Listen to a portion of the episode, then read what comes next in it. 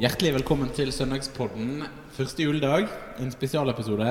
Jeg heter Andreas. Gyri Cecilie Nygaard har jeg med meg, og prest William Grosås. Kjekt å ha dere med. Gledelig jul. Gledelig jul. si. Gledelig jul.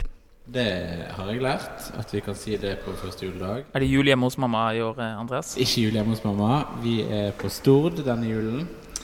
Og det er Med svigers? med svigers. Det er andre gang jeg feirer jul hjemmefra. Så det er jo fremdeles eh, litt spennende. Hvordan var det en første gang da, når du skulle Du, eh, jeg har alltid eh, Jeg har veldig, veldig tette tradisjonsbånd knytta til julen eh, hjemme. Eh, selv om vi har hatt sånn annethvert år hos farmor og annethvert år hjemme, så har liksom julen i Bergen har vært litt sånn hellig, da. Så jeg har jo eh, aldri hatt lyst til å feire noe annet sted. Så jeg var litt spent på å feire jul første gang eh, med svigers. Men eh, det var veldig fint, altså. Det var det. Og litt sånn deilig. Nå har jeg liksom gjort det en gang, så nå kjenner jeg nå kan jeg ferdig gjøre hvor, hvor som helst. Så lenge jeg er med min familie, og at Selma, min datter, har det bra, så tror jeg jeg kan feire hvor som helst, altså. Men du har jo familie i Spania, Det har jeg. Hvordan eh, er det å feire jul der? Nei, det er, det er veldig kjekt. Nå er jeg liksom vant med det, men det var kanskje litt mer uvant i begynnelsen. Altså, Julaften spesielt er litt sånn annerledes dag, da. Så På hvilken måte? Nei, liksom, nei det, det er ingen som pynter seg. Og det, mannen min gikk og klipte håret klokka fem hos frisøren. Sant? Så det er liksom Du satt hjemme og gråt? Nei, men, men klokka det som skjer da på, søt- nei, på 17. mai, på julaften, som er veldig fint der, er at uh, klokka seks så er liksom hele landsbyen Det er en liten landsby med 250 innbyggere. Så da er hele landsbyen ute og ser på sånn julespill. Der de har sauer og eh, Altså mannen og ungene de var med som gjetere sist gang vi var der. da Så alle liksom Og de har en Maria. Hvis det er noen som er gravid i landsbyen, så er hun alltid Maria. da Og så eh, de, går de rundt og banker på til herberget. Og det, det er veldig fint, da. Så da liksom Da er det litt sånn roen senker seg der, da. Eh, men det er jo litt spesielt den første gangen du er heim, hjemmefra, på en måte. Altså Jeg husker i hvert fall når jeg var student, så var mamma de, de bodde i Texas. Så da hadde vi jul faktisk helt uten de. Vi besøkte de, men så reiste vi til Mexico for å feire jul fordi vi ville utnytte at vi var så nært Mexico. Så da reiste vi der uten mamma og pappa. Så da var det litt sånn nesten at vi satt og gråt på liksom, Vi var så trøtte på julaften. Vi satt nesten og Ja, vi var er fire søsken, da, så det var ikke, vi var jo en liten gjeng. Men eh, det var litt mer trist, da. Å ikke være med liksom nærmeste familie. Iallfall fulltallet. Men du da, William? Hva? Nei, Vi var i, i USA en gang i tenårene på, over jul, faktisk, min familie. Og det var sånn god kapitalistisk jul. Der det beste eller, minnet jeg har derfra, var egentlig at vi var på kjøpesenter. Gikk på kjøpesenter, og, og at det hele tiden gikk eh, julemusikk rundt oss overalt hvor vi var. Og, så var vi på Disney World, da. Så det var den her eh, var det sånn Plastic Fantastic jul. Eh, Likte du det? USA har jo den eh, sjarmen at den eh, føles på en måte hjemme fordi vi har sett det gjennom skjermen. Mm. Um, og Derfor er det jo interessant å se liksom baksiden av hva er egentlig amerikansk jul. Uh, for vi var hjemme hos folk. Da husker jeg vi var hjemme hos en sånn amerikansk-armensk familie. Og de hadde uh, fantastisk pynta uh, hus. da, Sånn overdådig. Men alle møblene var dratt i plast, sånn som det noen ganger er også i Midtøsten. Ja. Og, og alt var jo eh, Juletreet var falskt, og det var liksom sånn ekstremt overdådig. Eh, men det var en veldig morsom jule, andre juledagsfest å være på. Eh, Da fikk, du sett, fikk jeg liksom sett litt av det amerikanske, men som, som eh, du hele tiden ser at eh, rett bak her så ligger det noen som har tjent penger på dette, eller som skal tjene penger på dette. Selge ting da, og det, det er jo i, i, i vår julefeiring òg, men det blir bare enda mer liksom tydelig i, i USA, da. Men eh, det ble jul da òg. Vi var på gudstjeneste i en baptistisk menighet, husker jeg, med et eh, barnekor som sang. Og, nei, det var helt ok. Fint, da. Vi skal eh, gå inn i teksten, vi, eh, denne dagen. Eh, Du skal få lese den, Gyri. Den står i Johannes 1. I begynnelsen var Ordet. Ordet var hos Gud, og Ordet var Gud. Han var i begynnelsen hos Gud. Alt er blitt til ved ham. Uten ham er ikke noe blitt til. Det som ble til i ham, var liv, og livet var menneskenes lys. Lyset skinner i mørket, og mørket har ikke overvunnet det. Et menneske sto fram, utsendt av Gud. Navnet hans var Johannes. Han kom for å vitne. Han skulle vitne om lyset, så alle skulle komme til tro ved ham. Selv var han ikke lyset, men han skulle vitne om lyset. Det sanne lys som lyser for hvert menneske, kom nå til verden. Han var i verden, og verden er blitt til ved ham, men verden kjente ham ikke. Han kom til sitt eget, og hans egne tok ikke imot ham. Men alle som tok imot ham, ga, dem ga han rett til å bli Guds barn, de som tror på hans navn. De er ikke født av kjøtt og blod, ikke av menneskers vilje, og ikke av manns vilje, men av Gud. Og ordet ble menneske og tok bolig iblant oss, og vi så hans herlighet, en herlighet som den enbårne sønn har fra sin far, full av nåde og sannhet. William, hvorfor eh, begynner ikke Johannes med et, en Maria og Josef på vei til eh, Betlehem med manntall og eh, alt det pikkpakke?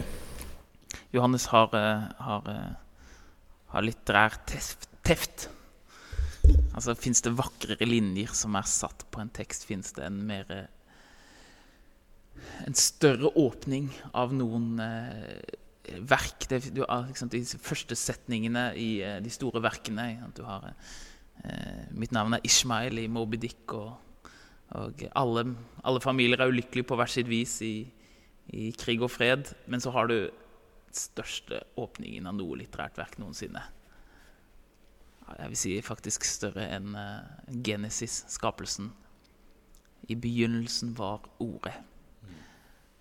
Eh, Det er litterær, teologisk teft som, som samler Samler alt. Hele Alt eh, andre skapelsen. Hele den kristne troen samles i disse linjene som vi her har hørt, og som eh, Og som vi kan eh, lese så mange ganger vi vil, og, og som vi aldri kan få lest nok. Og som vi aldri kan komme til bunns i. Og som har full av store ord. Lys, liv, nåde, sannhet, herlighet. Og alle disse ordene, de er eh, ikke metaforer for noe annet. De er symboler som i seg eh, de, de, En metafor er jo noe som sant, eh, Du kan si eh, i en lignelse så er bonden er en metafor for Gud. Det er én ting som referterer til noe annet. Men et symbol det er to ting som holdes sammen. Du har Lys er et symbol. Eh, eh, men det er ikke sånn at lyset er en, bare en metafor for noe annet. Fordi det lyset gjør, det lyset virker på oss, det eh, det, det det skal liksom Det Gud virker på oss, det sannheten virker på oss, det kan ikke enkelt bare oversettes. Symbolet kan ikke bare avskiltes. Det er på en måte en Symboler er, er språklige endestasjoner. Vi kan ikke si liksom Og bak det så ligger det noe annet. Eh, Vi sier Gud er lys. Og så er Gud lys, og så vet vi alle hva det er å erfare lys på ulike mange måter. Gud er sannhet. Så, så Du stilte meg dette spørsmålet hvorfor ikke Johannes. Og det eh, har jo vært ulike teorier på det opp gjennom historien, og mange dårlige teorier. Og det fins jo mange i dag også som teologer som vil si at det svekker eh, julehistoriens historiske troverdighet, at Johannes ikke forteller om det, og hvorfor har ikke han hørt om det, og kan det hende at dette bare er noe Matteus og Lukas har gulpa opp for å få det til å passe med Jesaja og alle sånne ting. Johannes har en referanse til julefortellingen senere i evangeliet sitt. Jeg tror det er i Johannes 5, eh, hvor eh, Jesus sier eh, de begynte, seg, de begynte å snakke seg imellom hvordan kan denne mannen være Messias? Vi, eh, det står at ingen skal vite hvor Messias er fra, men vi vet jo hvor denne mannen er fra. Underforstått at Messias skal jo være fra Betlehem, ikke fra, fra Galilea. Men leseren som leser det, hører ja, men vi vet at de visste ikke at han egentlig var fra Nasaret. Vi vet at han var det fordi han var Messias. Og da gir Johannes et sånt liksom, blink med øynene til leseren, den oppmerksomme leser. Hør nå her, folkens, er det som han sier. Jeg kjenner den historien om Nasaret og om jomfrugreier og sånne ting. Men han bare prioriterte det? han prioriterte ikke det, rett og slett. Fordi hans, hans, hans eh, primærmål ikke er å gi en kronologisk gjengivelse av Jesu liv, eh, men å fortelle om Jesu liv og gjøre eh, en, eh, ja, en, en, en symbolsk fortelling der han strukturerer alt som fortelles, som en, slags lag for lag-åpenbaring av hvem Jesus er, helt til du kommer til korsfestelsen. Altså, han begynner jo veldig sånn eh, Han begynner jo med, med sånn at du sier I begynnelsen eh, var ordet. Eh, og eh, ordet er jo ofte et, eh, et bilde på Jesus. Sant? Så han begynner jo veldig, veldig diffust, egentlig. Med, hvis han skal da lag på lag skal åpenbare hvem Jesus er gjennom sitt evangelium, så begynner han jo på en måte veldig på rett sted med å si egentlig veldig lite, samtidig som han sier veldig, veldig masse. Jeg er enig. Og, og, og det ordet som, som Johannes bruker, logos, det er jo et uoversettelig ord fra gresk filosofi og, og eh, som, som betyr veldig mange ting på en gang. Eh, I hvert fall i den greske tradisjonen. Det betyr tanke. Eh, Det betyr fornuft. Det betyr ordning. Det betyr eh, eh, Det kan bety liksom, eh, statistikk, regnskap, altså ting som har liksom å, å telle opp noe. Det kan bety mening.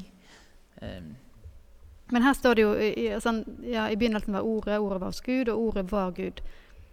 Han var i begynnelsen hos Gud.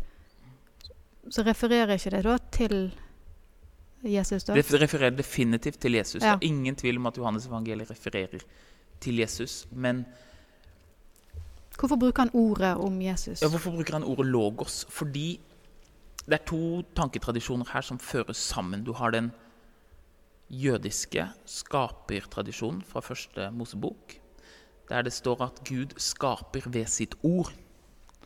Gud sa. Gud sa 'bli lys'. Gud har et skaperord som virker det det nevner, og han skaper ved at han taler.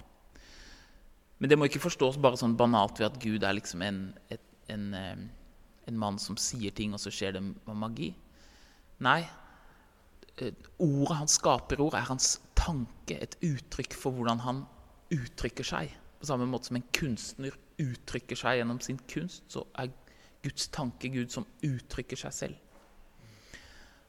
Og det eh, står jo veldig sterkt i jødisk tradisjon, og ble dette logos, dette skaperordet, det ble eh, assosiert med loven som Moses fikk åpenbart.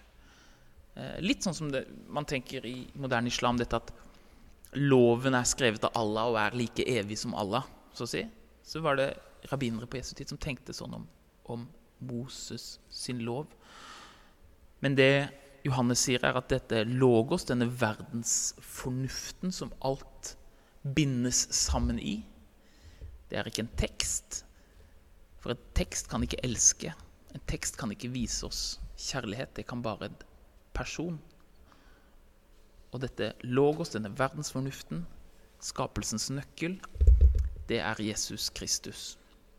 Det er den ene tanketradisjonen som er den jødiske, som er knytta veldig til, til, eh, til den jødiske loven og skapelsen. Men helt parallelt så har du den, den greske fra Platon og Aristoteles, som, som eh, har en helt filosofi knytta til, til eh, det gode, som, som strukturerer hele eksistensen, og som vi får del i ved å gjøre det gode, og som på en måte gjennomstrømmer alt.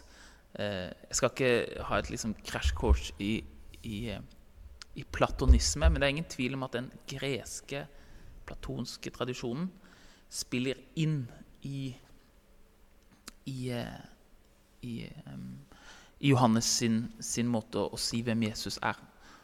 Og igjen så er det dette med denne, denne fornuften som binder alt sammen.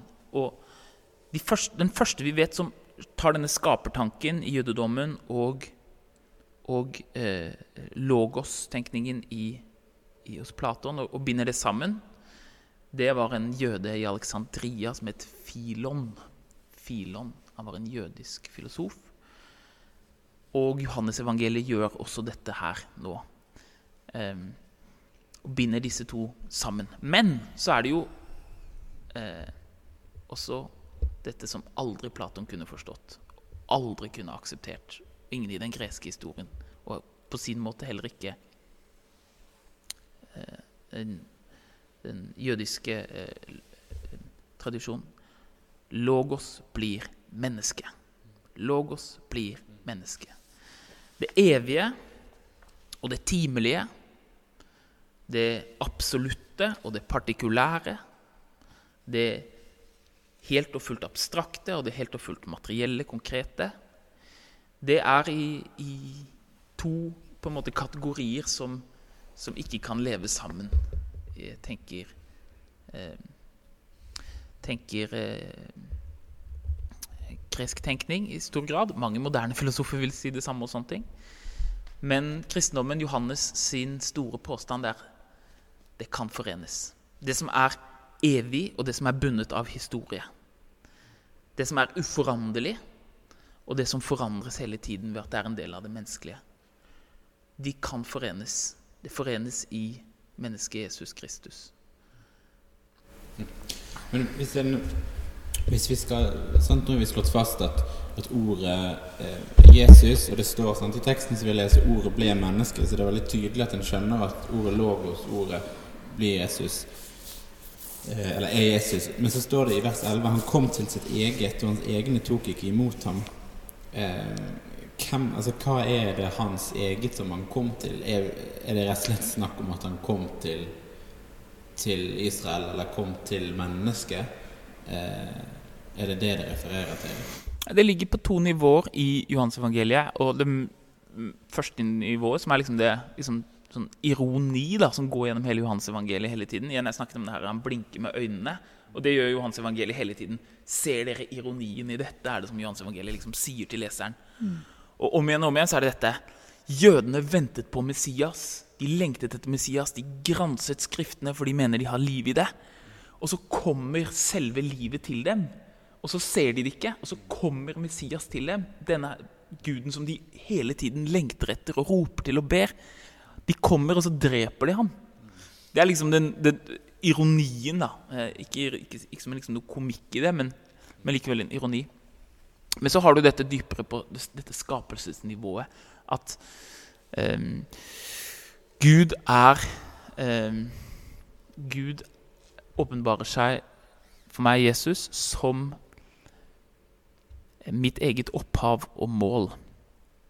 Uh, vi liksom har lett for å tenke at alle mennesker er blanke ark som velger oss gjennom livet. Eh, men den kristne skapertanken den sier at Gud har skapt ting, og alle de tingene har som et mål å ære Gud. Kaste, kaste liksom glans tilbake til Gud som har skapt dem. Og det betyr at i alle ting så ligger det også det som man kan si er dets mål, dets telos, som filosofene sier. Som er et, utgangspunkt. En, en, uh, og, og uh, i, i, i, en såkorn så ligger blomsten allerede liksom til stede. Som, som det bildet det skal bli. Um, og dette er Jesus som kommer, og som er alle vårt, vårt utgangspunkt. Han kommer egentlig ikke til oss utenifra og taler til oss utenifra, egentlig. Han kommer innifra, fra nærmere oss enn oss selv. Han er den egentlige sannheten om meg som jeg glemte. Han er eh, materialitetens sannhet, som, som, som, vi ikke kan se. Han er alt vi snakker om, vi bruker abstrakte eh, språk. Eh, og, det, og han kommer liksom innifra. Fra eh, eksistensen selv. Det må være lov å bruke sånn, eh, sånt språk, teologispråk når vi Mm. har denne teksten, for det er så sjelden vi har den. Det høres liksom veldig sånn innfløkt og, og litt sånn komplisert ut. Men, men det verset i vers 12, da Men alle som tok imot han, dem ga han rett til å bli Guds barn. De som tror på hans navn. Det er iallfall eh, fin, fint å høre, da. Men handler det om Ja, altså at, at eh, både jøder altså de, Hvis han kom til sitt eget Hvis det var jødene er, er, Men han er åpen for alle, på en måte? Er det det det som står der, egentlig? At alle som, alle som vil egentlig Alle som tror på han, kan ta imot han og bli Guds barn? Så er det neste setning. Men de er ikke født av manns vilje, av menneskets vilje, men av Gud. Det som ligger i det, er at eh, Jesus kommer. Han er lyset. Vi kjenner han ikke igjen. Ja, lyset blender oss, kan man nesten si. Og eh, det er bare når vi innser at vi ikke kan kjenne han og forstå han, og vi tar imot ham, da skjer dette at vi blir født på ny. At Kristus gir oss denne troen som vi aldri kunne kommet opp med selv. Det den setningen egentlig betyr, er jeg kan aldri være subjektet som gjør Gud til et objekt for min tro. Jeg kan aldri stelle meg over Gud og si der er jeg Gud, eller der er jeg ikke Gud. Og så velger jeg Gud. Så lenge jeg gjør det, så, eh, så eh, er, er ikke Gud Gud for meg, og, og, og, jeg kan aldri akseptere han. Eneste måten at jeg kan akseptere Gud som sannheten, er jo når som fisken sant, i vannet. Vil du være i sannheten? Vil du være i på samme måte mennesker som velger Gud? Eh, og dette, det der, her liksom kommer det mange spørsmål opp i forhold til fri vilje. For, for Bibelen så er frihet det er å være i sannheten, å være i Gud. Ikke å ha evnen til å kunne velge mellom løgnen og sannheten. For, for Bibelen så er det sann, frihet det er ikke liksom å kunne henge i luften og velge som en fisk å kunne være på land eller i vann. Friheten er i Gud. Men for å erfare den friheten, så må jeg ta den imot av Gud. Og Derfor kan jeg ikke eh, eh, bare velge den på, mine, eh, bort, på de premissene som er når jeg er bortvendt fra Gud. Nei, jeg må bli født på ny. Dvs. Si jeg må ta imot det som ikke kom fra meg selv. Det har ikke skjedd av manns vilje. Ikke noe jeg, har, jeg har ikke valgt Gud. For det der med kjøtt og blod var liksom litt Ja, kjøtt og blod. Sarks. Det her har vi snakket om på podkasten mange ganger, men Johan sa jo Sarks er den, den menneskelige naturen bortvendt fra Gud. Det er jo det det egentlig betyr. Mm. Eh, det, er, eh, det er ikke snakk om kropp, det er snakk om menneskelighet uten den, den, eh, den eh, av Gud inngitte troen, eller man kan si ja. Så, mm, så jeg, jeg, jeg syns dette bildet med fisken i vannet hjelper oss til å tenke om hva det er å være i Gud. Det er jo, det er jo begrenset, fordi Gud er ikke bare en kraft, han er en person. Men det er likevel det at, at friheten og sannheten og lyset og nåden, det er ikke noe vi Den er ikke noe som vi velger, men det er noe som gis oss, eh, som vi kan eh, være en del av. Eh, Fisken på land, mennesket i synden, mennesket bortvendt fra denne sannheten om meg selv, er ikke fritt eh, og går glipp av den dype gleden. Men det handler vel om at altså, vi må ta imot, sant? Det er det. Vi må, tro. vi må uh, tro. Vi må tro. Vi må Mm. bli født på ny. Bli født på ny. Omvende oss til Han som, som allerede var der. Og, og på en måte komme tilbake til oss selv. Det er jo det vi erfarer. Hvordan kan, hvordan kan Gud, som blender meg, som den herligheten som ikke noe menneske kan se og leve, hvordan kan jeg tro den? Jo, det er på en måte en slags innsikt at sannheten om meg selv bærer jeg ikke i, meg, men det er Gud som har sannheten om meg.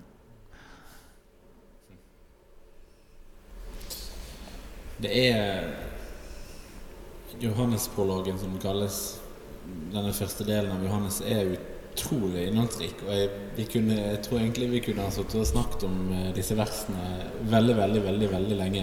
Kanskje vi burde lagd en egen podkastserie om eh, om disse versene her. For det er så utrolig mye innhold, og så utrolig Johannes har jo et språk som, som er vanvittig rikt. Eh, der man kan jo omtrent plukke fra hverandre hvert eneste ord. Eh, og, og, gå inn i hva er det egentlig som blir sagt her. Og, og jeg syns egentlig at det er et fantastisk juleevangelium, eh, denne teksten her. Eh, egentlig. Men vi må sette en strek eh, nå. Vi skal avslutte med å be vår far og velsignelsen. Vår Far i himmelen. La navnet ditt helliges. La riket ditt komme. La viljen din skje på jorden slik som i himmelen. Gi oss i dag vårt daglige brød, og tilgi oss vår skyld, slik også vi tilgir våre skyldnere. Og la oss ikke komme i fristelse, men frels oss fra det onde. For riket er ditt, og makten og æren i evighet. Amen. Velsign oss Gud Fader, velsign oss Guds Sønn, velsign oss Gud Du Hellige Ånd.